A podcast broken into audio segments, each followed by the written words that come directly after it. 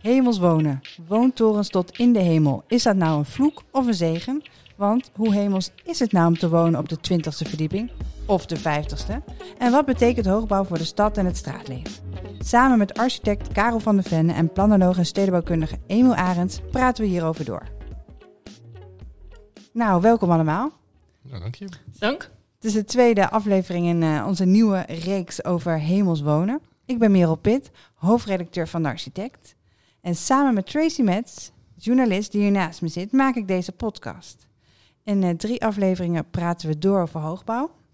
En vandaag hebben we het over de hoogbouwstad uh, van Nederland, Rotterdam. Eigenlijk ging het daar de vorige aflevering ook al over, hè, Tracy. Ja, Rotterdam is gewoon de hoogbouwstad van Nederland. Niks aan te doen. Dus heb je het over hoogbouw, heb je het blijkbaar over Rotterdam.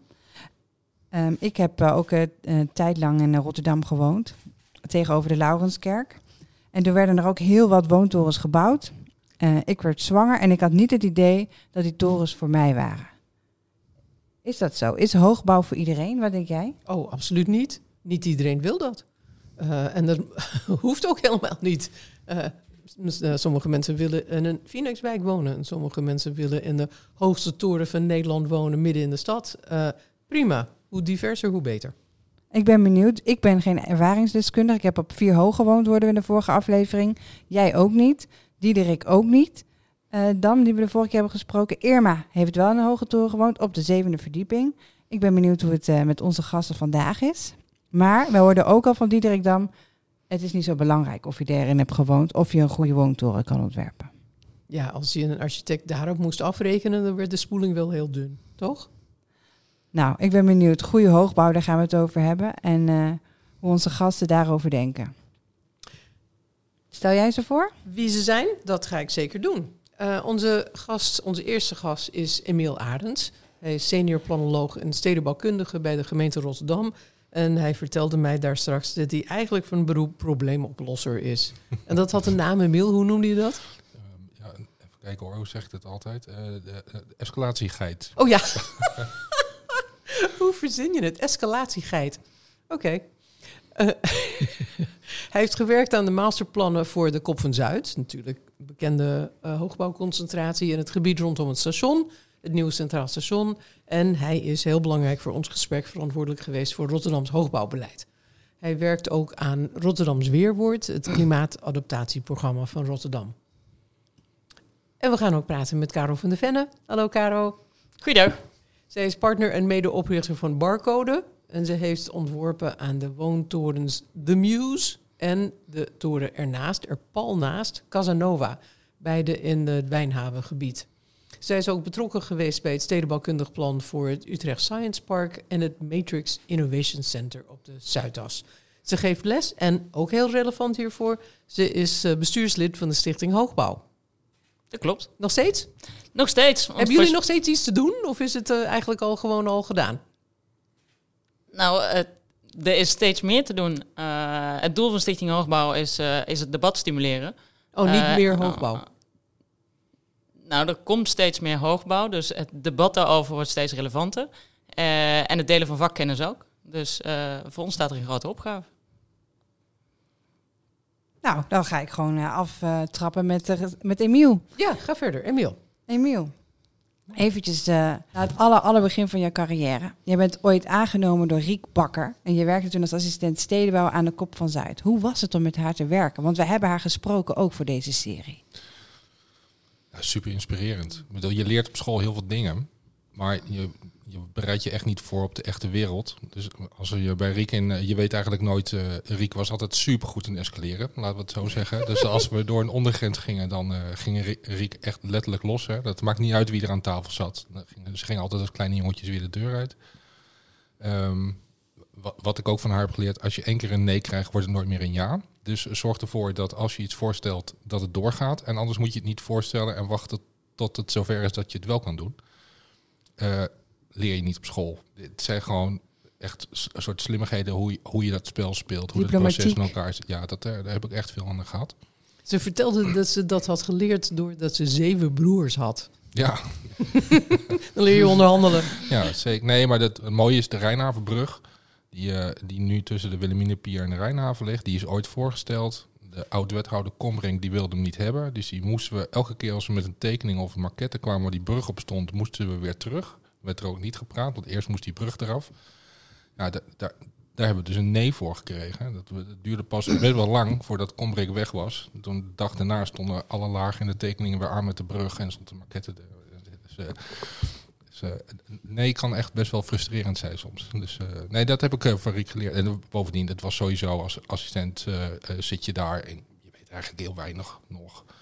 En dan Koolhaas, die was bezig met de Rotterdam. Cisa was bezig met Nieuwe Orleans. En, dat is echt, je, en je zit bij al die overleggen. Dat is echt best wel... Ja, bijzonder lijkt Ja, me. leek me echt. Dat was echt maar gewoon, ook gewoon een leerschool. Dus, Ja. eh, en dus zonder dat ik het door had, eigenlijk alleen maar hoogbouw. Dus de, eh, dat was helemaal niet het idee, maar toch. Je hebt alleen maar aan hoogbouw gewerkt. Nog eventjes naar het gesprek met Riek. Want we vroegen haar ook van, nou, hoe gaat het nu in Rotterdam? Daar is ze natuurlijk nog steeds mee bezig. Ze heeft daar ook nog een klein appartementje. En ze zei, het gaat weer zoals het destijds in Rotterdam ging. Het gaat alleen maar over bouwen, bouwen, bouwen, maar geen richting. Nou, mooie boel. Terwijl jij zo hartstikke druk met die stad bezig bent. Begrijp je waar ze vandaan komt? Ehm, nou, eerlijk gezegd niet. Want ik denk dat- we echt een hele goede omgevingsvisie hebben liggen. Waar we eh, nog steeds het beleid doorzetten wat we hebben. We verdichten in de stad en we doen het niet buiten. Eh, we hebben daarnaast Hartman Zuid, Feyenoord City, Alexander aangewezen als verdichtingslocaties. Allemaal geclusterd rond het openbaar vervoer en het weer in ere stellen van de oude lijn. Dordrecht eh Leiden, waar we druk mee zijn. Het is een nieuw openbaar vervoerssysteem wat eh, bij in de stad komt om die verdichting vorm te geven. En daarnaast heel erg druk met goede groei. Dus zorgen voor genoeg sport, spel, gezondheid, maatschappelijke voorzieningen.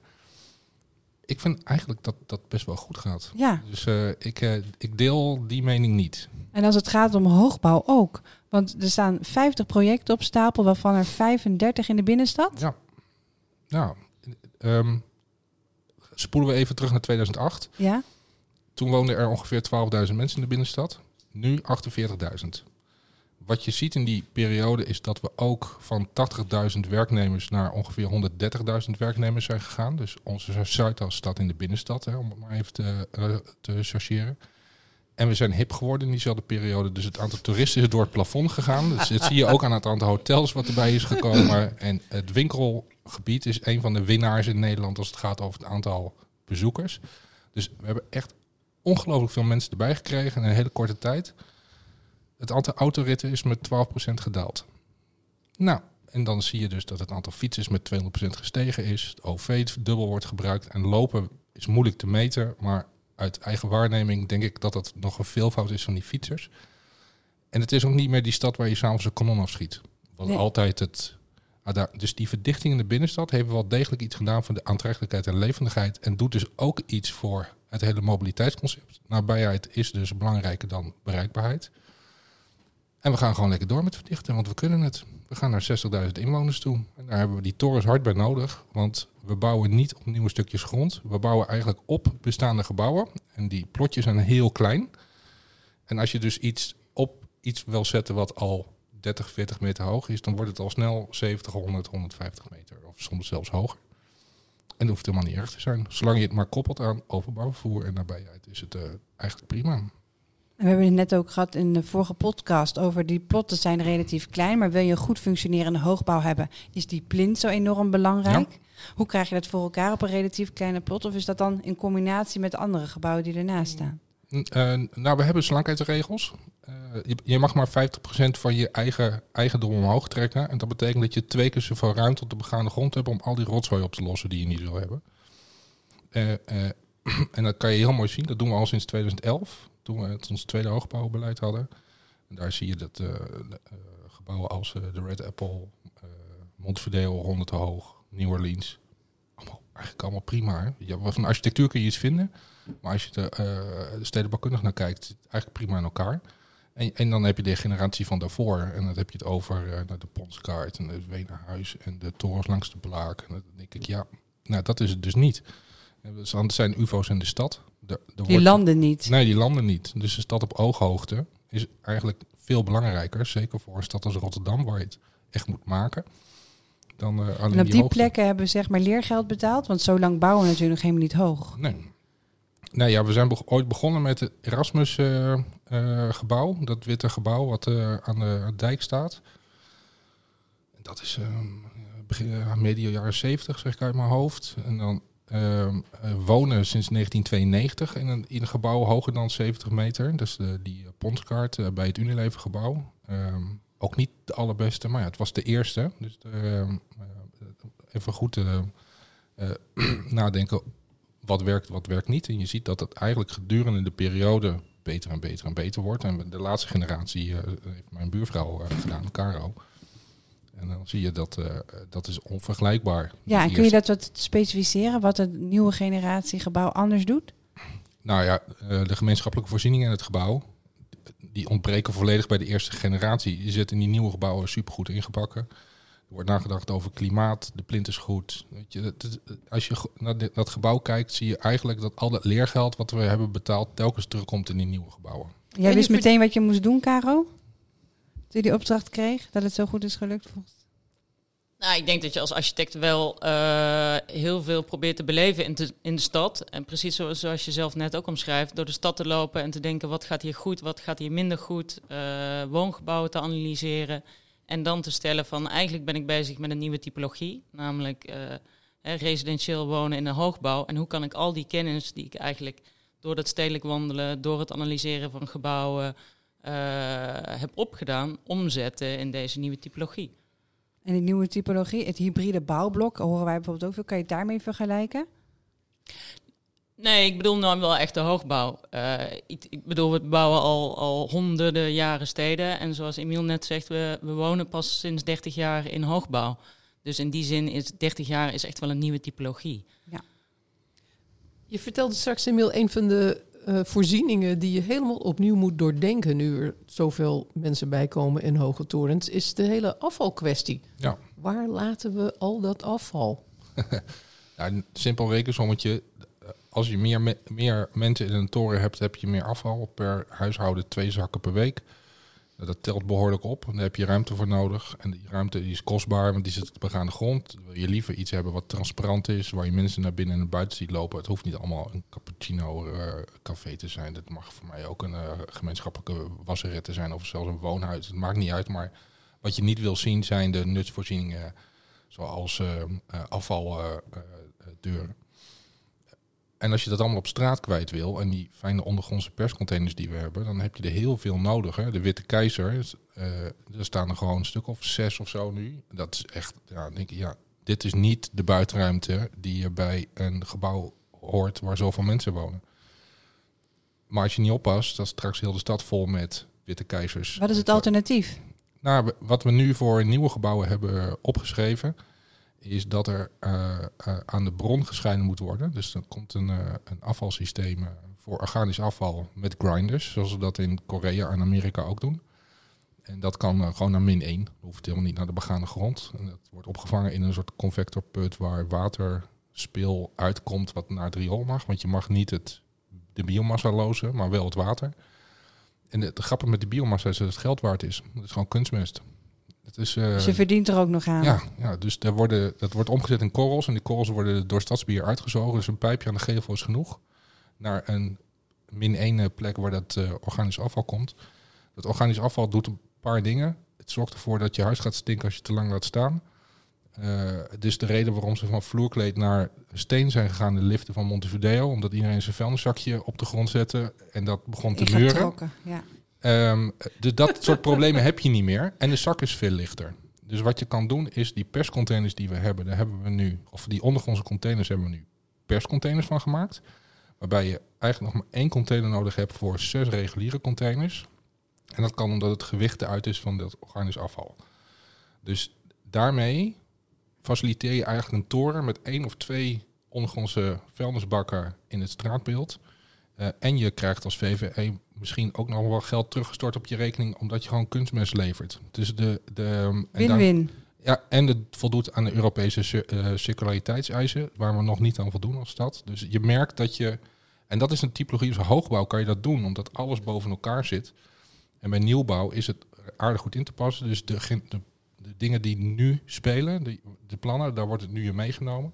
Je hebt het meegenomen in de hoogbouwvisie. Dat staat erin. En de plannen die nu lopen, Lumière, Rise, eh Rijnhaven, om het te zeggen, daar zit het systeem in.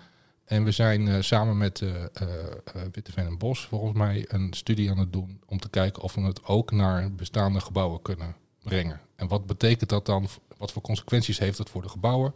Hoe duur is het? Zit er een terugverdienmodel in met het afval wat je daarna gaat leveren? Of is het te duur, te complex? Maar goed, dat weten we niet, daar zijn we aan het testen. Dus je, we zijn constant nieuwe kennis aan het opdoen. Daar komt het op neer. Leuk Ja. deze podcast, hè, Merel? Hier had ik echt geen idee van. Dat afval zo'n probleem is bij de Ja, hoogbouw. ja, met verdichten, meer stadsbewoners, allemaal heel mooi.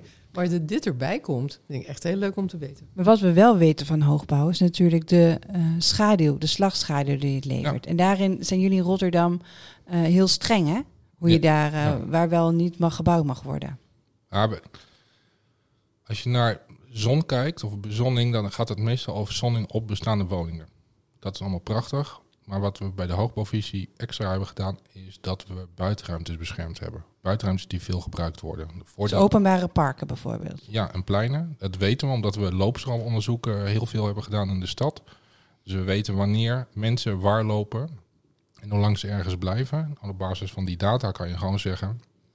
deze plek wordt van 10 tot 2 's middags supergoed gebruikt. Dus het is niet erg dat er om 9 uur een beetje schaduw overheen gaat... maar van 10 tot 2 niet.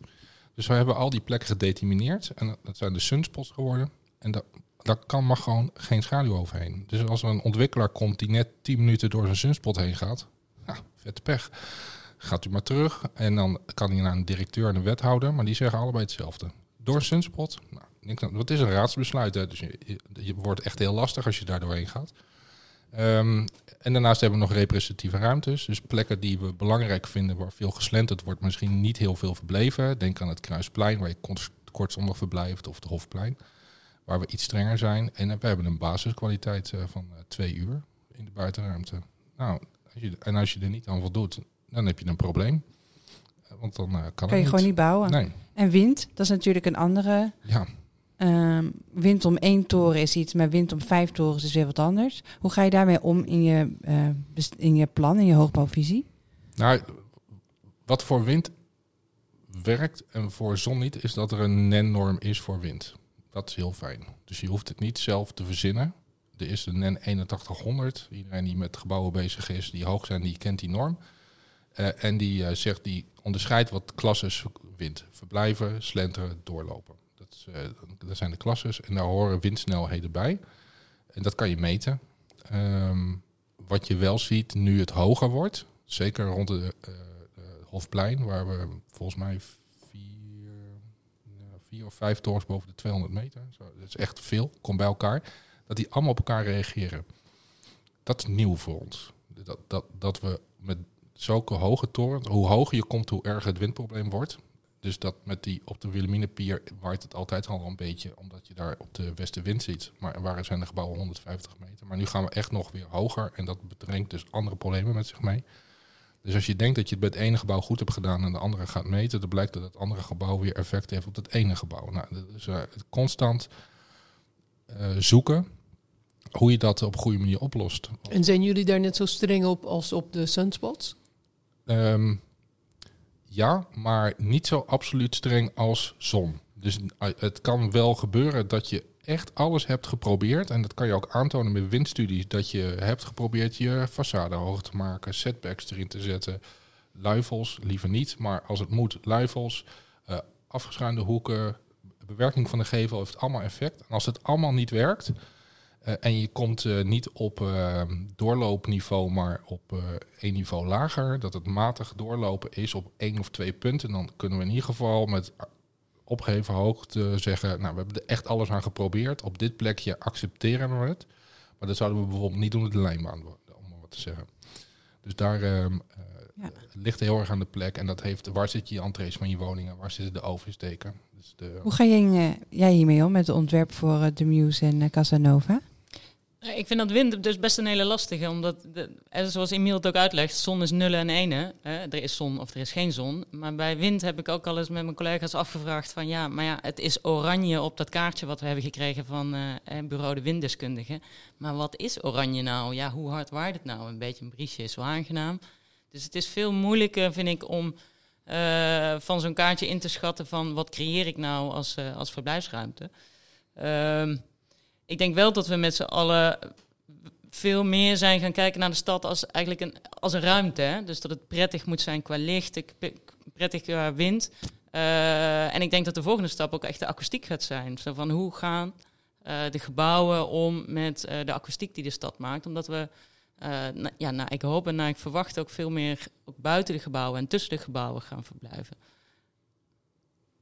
Heb je daar al over nagedacht, over de akoestiek, Emiel? Ja, in principe komt alles voorbij. Ja? We zijn nu even druk met het circulariteitsverhaal. wat, het wat wordt steeds eh, lastiger. Nee, nee, nee, nee, nee, kijk. ehm, eh, Richard Sennett heeft het ooit de typologie van de 20e eeuw genoemd. Hè? Dus daar moet je afscheid van nemen. Het- ik was altijd heel groot fan van de beste man. Maar toen ik dat las, dacht ik, nou hier gaat het mis. Ik denk dat je best een paar dingen kan oplossen in een hoogbouw die je in een Hollands bouwblok niet kan oplossen. Zoals het afval. Dat systeem kan je niet in een Hollands bouwblok proppen, maar wel in de toren. En hetzelfde geldt voor elektriciteit. Eh, zonnepanelen in de gevels heeft echt geen zin. Want dat heeft gewoon te maken met de eh, leeftijd van, of de, de doorlooptijd van de gevel en de houdbaarheid van de zonnepaneel. Maar wat je wel meer en meer in de stad ziet nu, zijn die power nests. Die, die verticale windturbines die gewoon mee worden genomen naar architectuur. En Als een echt- kroon op het gebouw of zo. ja, maar je ziet niet dat er op sommige plekken wel, maar het hoeft niet. Hè? Dus de- je kan het gewoon meenemen naar de architectuur van de gevel. En, en daarmee kan je eigenlijk best wel een aardig deel van je eigen stroomgebruik eh, genereren. Dus de, de, er zitten ook wel voordelen aan het feit dat je hoger bouwt. Het waait altijd op 100 meter, ook als het beneden windstil is. Dus die dingen die functioneren eigenlijk non-stop. Eh, En toch dat- heb ik daar wel een probleem mee eigenlijk. Dat we, ja, we, we hebben uiteindelijk natuurlijk een energieprobleem en dat herkennen we allemaal. Maar om dan van gebouwen een energiecentrale te gaan maken, ik weet niet of dat helemaal het correcte antwoord is. Waarom niet? ja. Om, omdat als ik een, een windmolen ergens neerzet op een goede plek, dat zoveel malen efficiënter is dan die turbine op het dak. En wat ik allemaal aan die constructie moet doen om ook de trillingen die zo'n turbine eh, genereert te ondervangen. Dus ik moet toch echt wel weer heel veel bijzetten. Ook wat Emiel net niet terecht duurzaam, zegt, zeg zegt, ja, als ik PV-panelen moet gaan opnemen, dan ga ik eigenlijk heel veel materiaal gebruiken. En het heeft, levert heel weinig energie op ten opzichte van een paar PV-panelen dobberend op het water. Dus ehm, ja, op die postzegel, zoals Emiel het ook heel correct uitlegt, hè, eh, dat energieprobleem gaan oplossen. Ja, ik heb daar wel, wel mijn vraagtekens bij. Je kan wel verantwoord bouwen, maar verantwoord bouwen vind ik iets anders dan eh, ja, tegen stoem en drang proberen een energie op te wekken waar het echt niet de geschikt, meest geschikte locatie voor is. Want energie is ook een kwestie van schaal, hè? Is zeker een kwestie Ja. van schaal. Maar ja, het Ja. is ook altijd, vind ik, een kwestie. Je zegt, je kan het dan ook doen op zee. Maar van wie is die zee dan? En waar, hoezo komt u dan weer eh, bij Rotterdam uit, zeg maar, bij wijze van... Dat is ook weer ingewikkeld. Als je het op je eigen plot kan oplossen, Als ik, dan is het wel Ja, jouw energie. Ja, maar één, één grote windmolen, dat, dat weegt zo niet hard op tegen al die kleine windmolentjes boven op mijn gebouw. Dan moet ik al die 35 torens. In Rotterdam moet ik zo'n windturbinetje opzetten en dan heb ik nog niet wat één windmolen doet. Nee, maar het voordeel van een windturbine op een gebouw is dat die van de VVE is. En die windturbine op zee niet. Eh, Ja, maar daar ligt dus het hele probleem dat we de stad niet beschouwen als een netwerk. Want je zou ook prima kunnen zeggen, hè, die VVE moet een vierkante meter ergens kopen en dan zetten ze een, een windmolen neer. Theoretisch kun je dat natuurlijk allemaal ondervangen. Of een paar dobberende panelen op de Kralingse Plas. Ehm, daar zijn natuurlijk allerlei modellen voor te maken. Maar waarom moet dat per se op datzelfde Ah, dit kavel? is echt het dilemma van de duurzaamheid in een notendop. Hè? ja. Je linksom of rechtsom, ze hebben allemaal nadelen. Wat weegt uiteindelijk het zwaarst?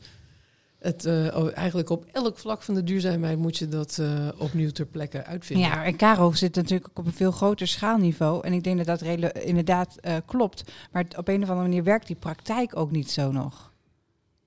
Nee, dat klopt. De praktijk en de regelgeving werkt niet zo. Maar in essentie eh, Is is, het de wel kwaliteit, logischer? ja, de kwaliteit van de stad is, is de efficiëntie van het Maar net zo goed wanneer je energie opvangt ehm, op het IJsselmeer. Van wie is dat?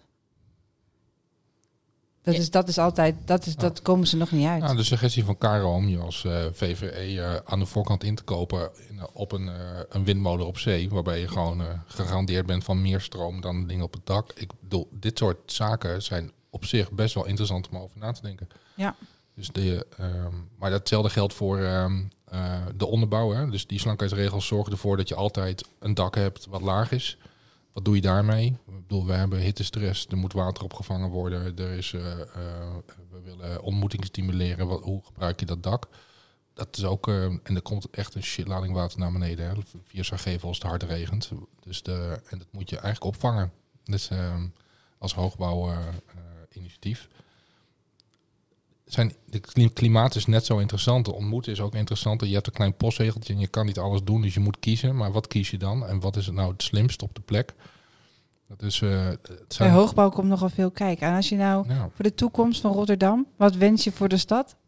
Je werkt er al zo lang aan. Nou, laten we zeggen dat ik ben niet iemand die per se hoogbouw wil. Ik denk dat er bijna altijd een beter alternatief is dan een toren. Hè? Laten we ook eh, reëel zijn. Torens duren gewoon ongelooflijk lang. Dus als je wil doorgaan met die verdichting en die, en die hele... En, en antwoord geven op die woonvraag. Die, ja, dat is een bredere dan alleen de binnenstad. Maar ja, dan moet je niet met torens doen. Dat is eh, eh, leuk dat ze er zijn. En als er één wordt opgeleverd, heb je gelijk heel veel woningen. Maar de vraag is eh, even wanneer. Ik bedoel, de, de Zalmhaven heeft een 20 looptijd- jaar. 20 jaar looptijd gehad. Ja, dan kan je niet, op, kan je niet opnemen in je woningbouwgetalletjes als wethouder dat het over drie jaar afkomt. Kun je dus niet meer rekenen. Nee, maar wat misschien nog wel veel belangrijker is, die torens moet je niet overal doen. Dus alleen maar openbaar vervoer echt aanwezig is en om de hoek. En gelukkig hebben we in de binnenstad een assenkruis van, van, de, van de metrolijn. Eh er komt een nieuwe lijn bij. En we hebben dan nog een netwerk van trams overheen liggen.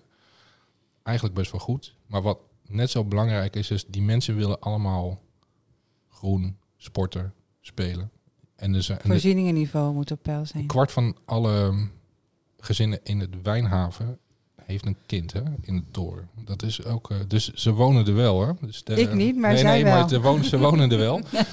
en als je op het Wijnhaven-eiland gaat kijken hoeveel ruimte er is voor spelen voor kinderen in een bepaalde leeftijdsgroep, dan is het Nee, nul. nihil. En als de bewoners het zelf doen, dan wordt het weggehaald omdat het onveilig is. Hè? Dus, de, eh, dus je merkt dat er ook wat botsingen komen tussen zeg, mensen die iets willen en, en tegelijkertijd de beheer- en veiligheidsaspecten waar je als gemeente ook voor verantwoordelijk bent en dat je naar discussie mee omgaat. Dus ik ben heel blij met de zeven stadsprojecten waar we de Blaak op gaan inrichten als een Blaakpark. Dat, zijn, dat zegt echt zo aan de dijk. Ehm, Dus het begint gewoon bij goede openbare ruimte. ja, dat heb je gewoon nodig. Eh, Ja. eh, eh, verdichten is vergroenen. En vergroenen is verdichten. De, de, en kan, de een kan niet zonder het ander. Dus de, en ik vind eigenlijk wel dat we veel meer moeten doen in de stad dan alleen die plekken die we nu hebben aangewezen. Wil je echt doorgaan met nou, die 35 torens die erbij komen en alle andere initiatieven. En verdichten is soms hoogbouw, maar zeker niet altijd. Nee, maar als de plotjes heel klein zijn, is in de binnenstad is dat het geval. Hè? Dus de, ehm, daarmee eh, eh, heb je eigenlijk al een torentje in de handen. Dus Ja. de, ehm, we hebben ooit eens een keer ehm, eh, met de wethouder bij de maquette gestaan, want die wilde hoger en groter en mooier. En toen hebben we wat schaalmodellen van de Burj Khalifa gemaakt en een paar andere grote gebouwen. En toen heb ik gezegd, nou zet hem op de maquette. En de, de Burj Khalifa is eh, drie kwart van het hele Leiman-kwartier. Dat is één voet. Zo, hij zei. Ik zeg, en daarom kan het niet hoger. Ik bedoel, dit, dit is het. Hè? Dus, je moet op een gegeven moment, als je niet met nieuwe materialen of innovaties komt, is dit het. En toen zei hij, ja, ik snap het nu wel. Ah, Oké, dus eh, vandaar dat we een hoge restrictie hebben in de stad. Om Ja. te zeggen. Ja, feitelijk is een, is- is een stevige toren is een Eiffeltoren. Hè? Het staat breed op zijn voet. En dan kun je, kun je of die voet op de begane grond zetten. En dan krijg je dus een hele eh forse plint. En dan heb je dus een grote postzegel nodig en die zijn niet voorradig. En als je dat niet wil, dan moet je die hele grote voet onder de grond gaan stoppen. En ja, dat gaat zo onoverkomelijk veel geld kosten. En daar is Ja, eh, Rotterdam met zijn, eh, met, met zijn NAP ook echt niet eh, geschikt voor. In de vorige aflevering zei Irma van Oort, je, je denkt het niet, want je denkt aan een, aan een solitaire toeter. Maar hoogbouw heeft ruimte nodig. Ja. En eh, dat zeg jij ook heel, heel duidelijk, Emiel. Dankjewel, Emiel. Gaan we door naar het volgende gesprek, hè? Dankjewel. Caro, waar woon je zelf? Eh driehoog, ja, Rotterdam-Noord. Weer geen ervaringsdeskundige, Nee, nee geen maar ervaringsdeskundige wel in die zin. ontwerper van. Eh, de muze is al af en bewoond, Casanova eind dit jaar. Wat ik me afvroeg, hoe is het zo gekomen? Hoe is het jullie gelukt om op twee kabels naast elkaar te mogen ontwerpen? Ja, er zit inderdaad een, eh, een bijzondere start aan. Dus leuk dat je het vraagt. Ehm, eh, wij zitten als bureau daar op een steenworp afstand van. En eh, in, in een eh, nou, redelijk eh, afzichtelijk jaren tachtig pand met zo'n mooie spiegelende gevel, volledig introvert. Daar zat de gemeente Rotterdam. met een deel. En we wisten van, ah, die moeten gaan verhuizen naar de Rotterdam. Want dat is het project wat een aanbouw is voor de gemeente op, op de Kop van Zuid. Dus Dirk, mijn zakenpartner en ik, we dachten van, ah, dan komt dat kavel vrij. En wat kan hier eigenlijk? Ehm, en toen bleek er dus een heel dynamisch plan te liggen van, eh, van KCAP, wat dus eigenlijk voorschreef van als daar nu kantoren zijn, eh, dan mag je dat omslaan naar, eh, naar, naar wonen. Daar heeft Irma misschien in die vorige aflevering wat over verteld. Eh, dus het ging eh, vanuit de stad heel erg over het stimuleren van, eh, van wonen en werken. Ehm, dus wij, wij zijn daar zelf een plan gaan maken en gingen bij verschillende partijen langs van wauw, wat idee wat we nu hebben. Nou, en iedereen had zoiets van ja, maar het is Rotterdam. We spreken hier over 2012, 2011, 2012. Nog niet ja, zo hip. Nee, dat was, nee, dat was het niet. En eh, dat ging het niet opbrengen. En, eh, Niemand wilde instappen, hè? Niemand wilde instappen. Tot we een eh, investeerder hadden die origines wel in Nederland lagen, maar voornamelijk actief was in Duitsland. En die liet ik de 100 hoog zien. En ik zei: Het kavel is vrij. En dat was op een woensdag. En op vrijdagochtend belde die en zei: Dat gaan we doen. Ehm, Wauw, fantastisch. Dus Nou, de- voor, nou. voor iemand van buiten was het zo duidelijk. En ehm, nou ja, wij hebben daarna nog vele malen moeten horen van ja, Caro, toen je toen kwam, toen hadden we dat natuurlijk eigenlijk wel moeten aankomen. Oh, heerlijk, heerlijk. Zeg het nog een keer. Ehm, zijn de Muze en Casanova eigenlijk hoogbouw? Want ik ge- begrijp dat de cut-off point bij 70 meter ligt. Eh, ja, dus dan zijn ze statistisch gezien hoogbouw. Ze zijn eh, 75 meter en Oh, 110 75, meter. oh. Ja, ja, laatste vloer 70 meter, 69,9. Ja. Dus je krijgt ook met de eh, brandweerregels eh, voor gebouwen te maken boven de 70 meter. Ja, voor de, Casano voor de Casanova wel, maar Uh-huh. voor, de, voor de Muse dus niet. Want uh, is de laatste vloer 69,9. Dat is, met, dat is Ja. dus niet 70.1, want dan wel. Ja. Dus, eh, Ah, het dus waar de vloer ligt, Ja. daar gaat Ja. het over. Dus je kan nog wel een hele hoge verdieping maken. We Ja. houden wel heel erg van regels hier, hè? ja. Ah, Oké. het is wel interessant, je kan de hele skyline van Rotterdam uittekenen op veiligheidsregels. Hè? Dus de, Oh, echt de, sta- waar? de stappen die je moet doen. Hè? Dus eh 70 meter, 100, 150, 200. Je kan, als je alle torens bij elkaar zet, zie je eigenlijk de, eh de brandweereisen terug. Dat is, eh, maar goed. Maar dan ben ik niet heel erg eh, om, om een stedenbouwkundig plan in regels te vatten en dat allemaal te gaan toetsen. Maar dat dat voor de brandweer bestaat, dat vind ik wel eh, logisch en prettig. Ja, Ja. Eh, het heeft ontzettend veel voordelen dat die twee eh, eh, hoogbouwtorens naast elkaar staan. Eén parkeerentree bijvoorbeeld. Je hebt eh, een aantal voorzieningen kunnen delen. Wat zijn die voordelen? Vertel. Je hebt altijd een bepaalde kritische massa nodig eh, A, om het gezellig te maken. Dus daar, daar begint het, eh, denk ik. Om het gezellig te maken. Nou ja, In het ons- gebouw of op straat? In het gebouw heb ik het nu over, inderdaad. Eh, dus dus ehm, het was echt ons, ons doel om daar een, een, een unieke woonkwaliteit te maken. Dus daar ook extra functies aan toe te voegen. Eh, en daarmee ook een andere woonbeleving neer te zetten. En daardoor nieuwe mensen daar naartoe te trekken. En ehm, ja, als je een daktuin maakt, en onze daktuin is 1600 vierkante meter, en je hebt maar 80 huishoudens en er komt af en toe iemand, dan is het niet gezellig. Eh, maar met die twee torens hebben we dus 210 huishoudens. En eh, nou ja, nou, ik En hoop... iedereen mag de daktuin gebruiken? Iedereen mag de daktuin gebruiken. Er, wordt, er is al een aanvraag gedaan voor een grote zandbak erop. Er zit een buitenkeuken bij. Ehm, dus ja, ik, eh, ik hoop dat het, een, eh, dat dat echt een succes wordt. En dat dan gezamenlijk eh, met werkplekken, vergaderruimtes die weer uitkijken op het dakterras, zodat je ook prettig afgeleid wordt van het werken. Een kleine cardio-fitness en ook hotelkamers die door de bewoners te huren zijn. Als ze vrienden of familie van Ja, verder buiten hebben fantastische innovatie vind ik dat. Je had het hierover als voorbeeld van wat jij noemt het verticale buurtgevoel. Ja, ik denk dat dat het doel is. Een Dat je, dat je met een- op Jane ja, Jacobs. Nou ja, de, ik fiets altijd naar huis eh, en dan kom ik langs zo'n hofje en dan, dan zie je die mensen in dat hofje zitten. En dat is omdat die op de weg naar huis elkaar zijn tegengekomen. En eh, dat hebben we bij de, bij de Muse proberen te bewerkstelligen. Dus dat het onmogelijk is om vanuit de parkeergarage direct je woning in te gaan. Maar dat je altijd via een collectieve ruimte komt. Eh, ja, en het liefst kom je dan, of tenminste zo, zo stel ik het me voor, je buren tegen. En dan zeg je van, ah, kom vanavond nog even langs. Of we, zullen we vanavond afspreken op het dakterras. Ja, dat zijn de sociale ontmoetingen die je wil laten plaatsvinden. tussen eh, werk en eh, achter de eigen voordeur. En op- vertelde mij dat jullie ook eh, evaluaties doen hè, bij bewoners, hoe ze het beleven. Dus nou, ik ben benieuwd of dat straks werkt. Ja, maar Caro stipt wel e- echt iets belangrijks aan. Hè. Dat, ehm, ondermijning is een probleem, maar we weten niet hoe groot.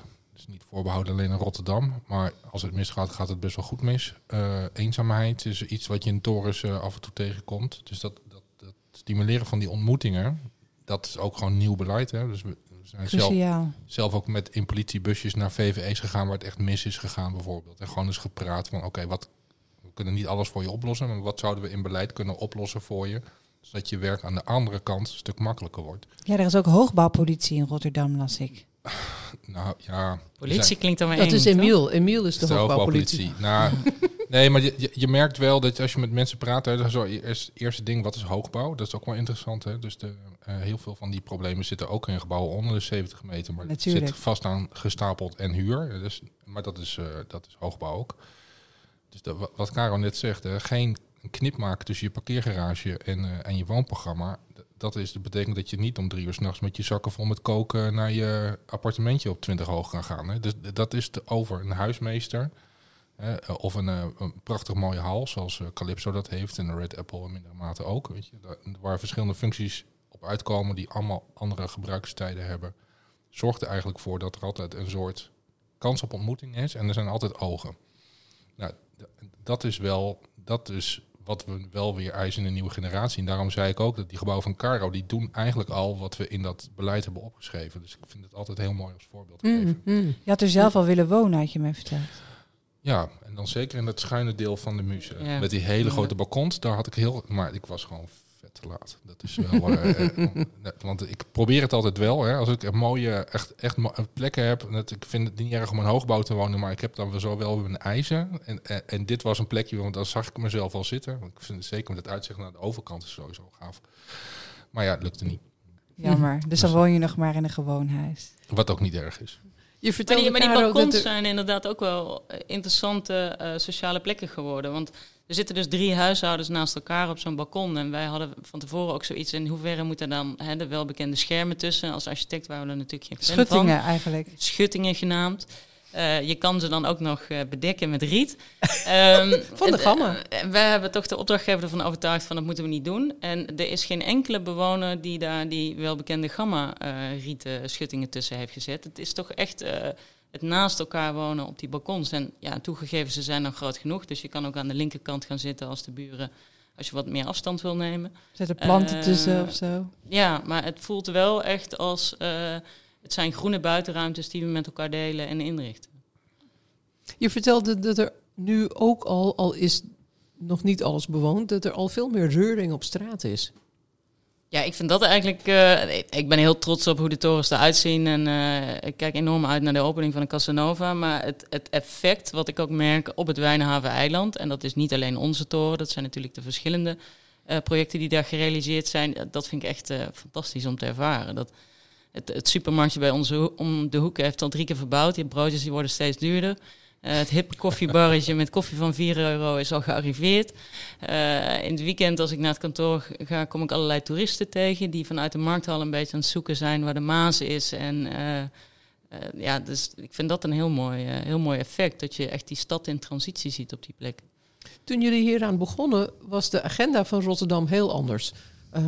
Hoogbouw moest nieuwe bewoners trekken met een hoger inkomen. En die zouden dan de stad, de economie voeden, uitgaan, cultuur beleven. Eh, en nu is dat, daar hadden we het ook over met eh Diederik Dam en de Salmhaventoren. Nu wordt het je bijna nagedragen dat je voor hogere inkomens hebt gebouwd. Ja, ik legde dat inderdaad ook zo uit eh, toen wij eh, kort telefoneerden. Zo van, ja, eh, ik heb een aantal keren de Muse ingediend voor een, voor een architectuurprijs. Natuurlijk omdat ze er bijzonder trots op zijn. En dan word je een beetje zo gezegd van, ja, maar ja, dat was niet zo moeilijk. Hè, want het waren allemaal dure koopwoningen. Eh, maar zoals Emiel net zei, toen wij begonnen met het project... en jij zegt 12.000, Astrid Sanson zei tegen mij altijd 8.000. Maar goed, laten we zeggen, de waarheid ligt in het midden. Er woonden heel weinig mensen. En dat was echt de ambitie van de stad. Eh, dus de, eh, de, de grotere gezinnen of de, de mensen waar de kinderen vanuit huis was, vanuit eh Berkel en Roderijs en omstreken weer terug naar de stad trekken en laten consumeren van het horeca-aanbod en het cultuuraanbod. Eh, ja, en eigenlijk hebben we dus in die tien jaar die hele transitie doorgemaakt. Eerst Maar van is lege dat dan stad niet naar... te, voor een deel te danken aan die hogere inkomens? Dat de stad diverser is geworden, ook in inkomensniveau?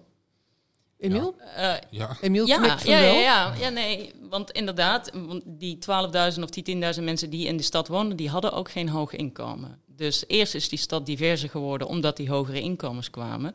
En nu eh, is de ambitie verder te groeien en zeggen we, daar moeten we ook sterk in diversificeren. En ook die, die middeninkomens en sociale inkomens huisvesten. En moet dat ook in hoogbouw?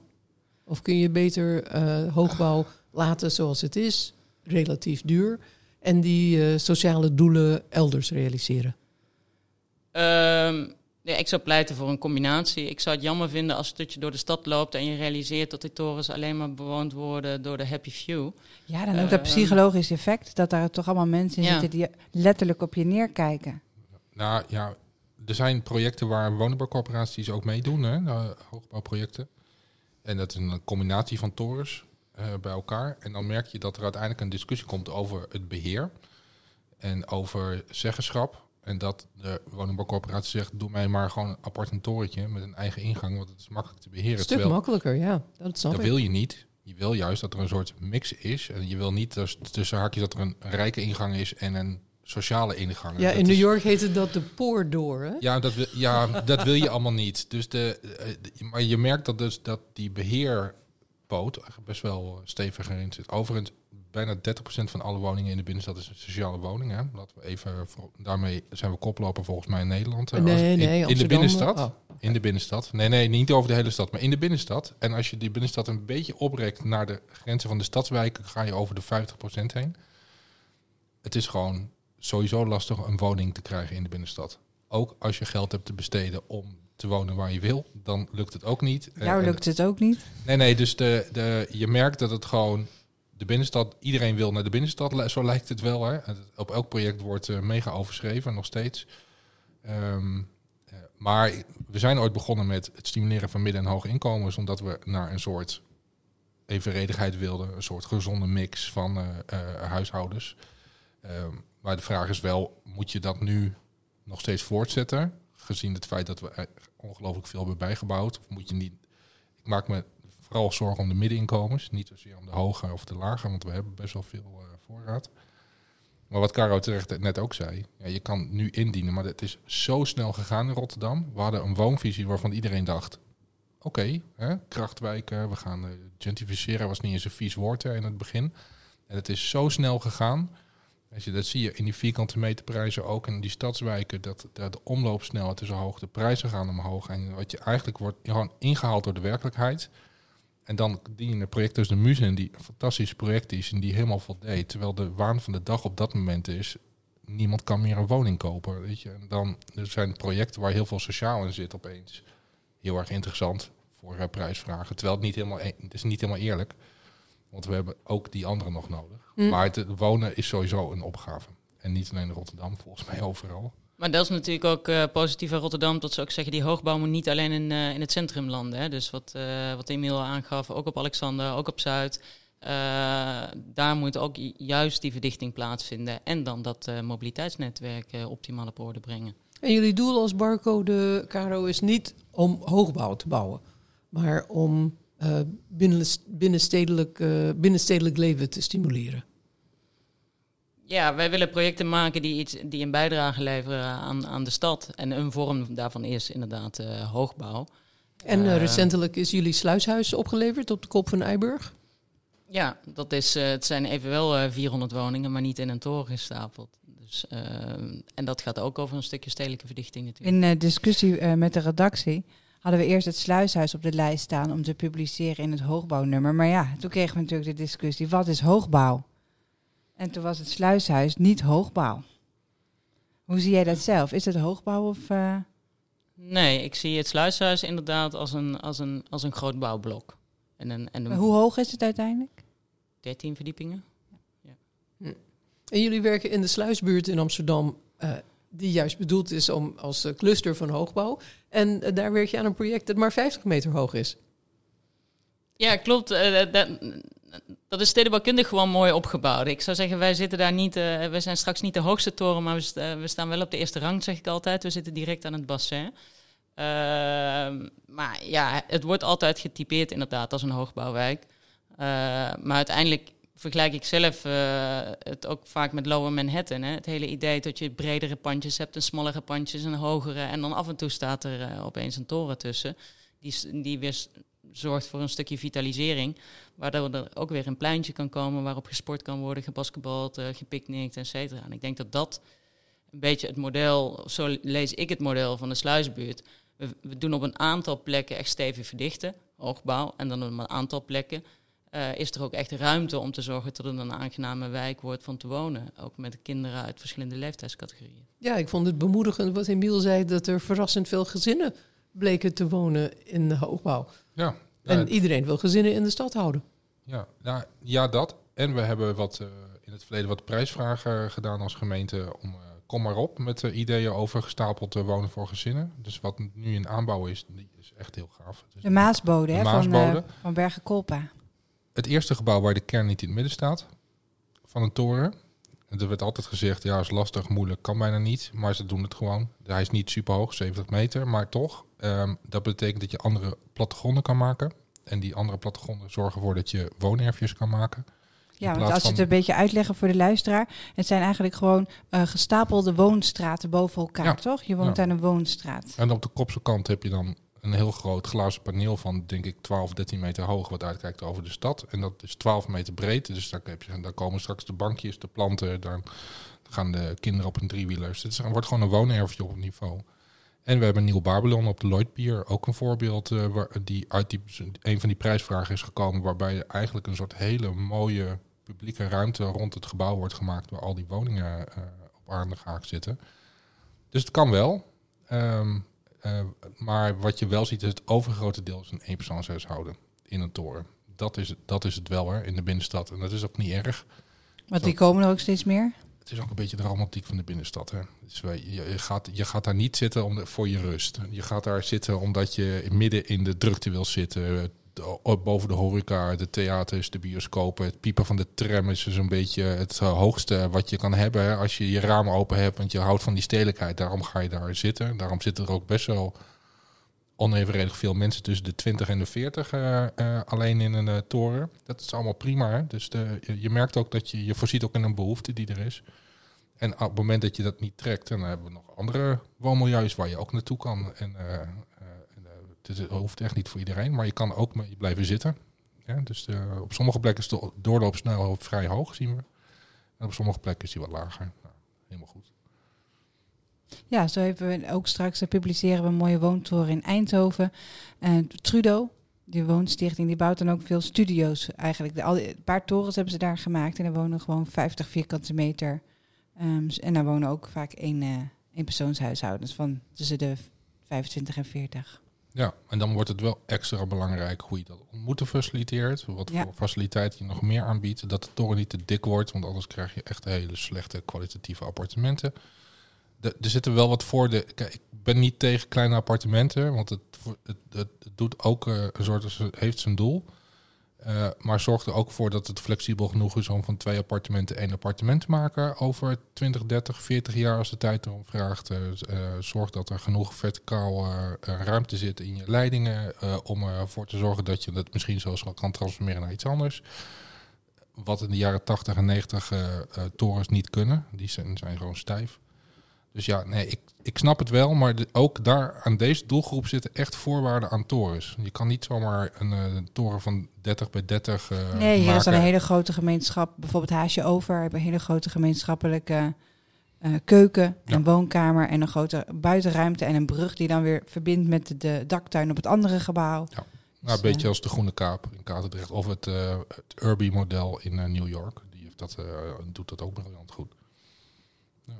Fantastisch hoeveel vernieuwing er nog is op dit gebied. Opgetilde woonstraten en het hele verhaal over het afval en eh, die gedeelde voorzieningen eh, op Wijnhaven Eiland. Daar ben ik echt heel blij mee. Dat er inderdaad gewerkt wordt aan community building eh, op niveau, om het zo te zeggen.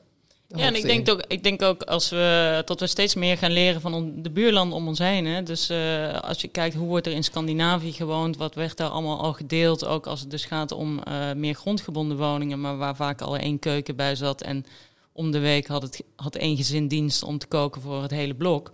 Eh, dus daar was al veel meer dat gevoel van collectiviteit en dingen delen.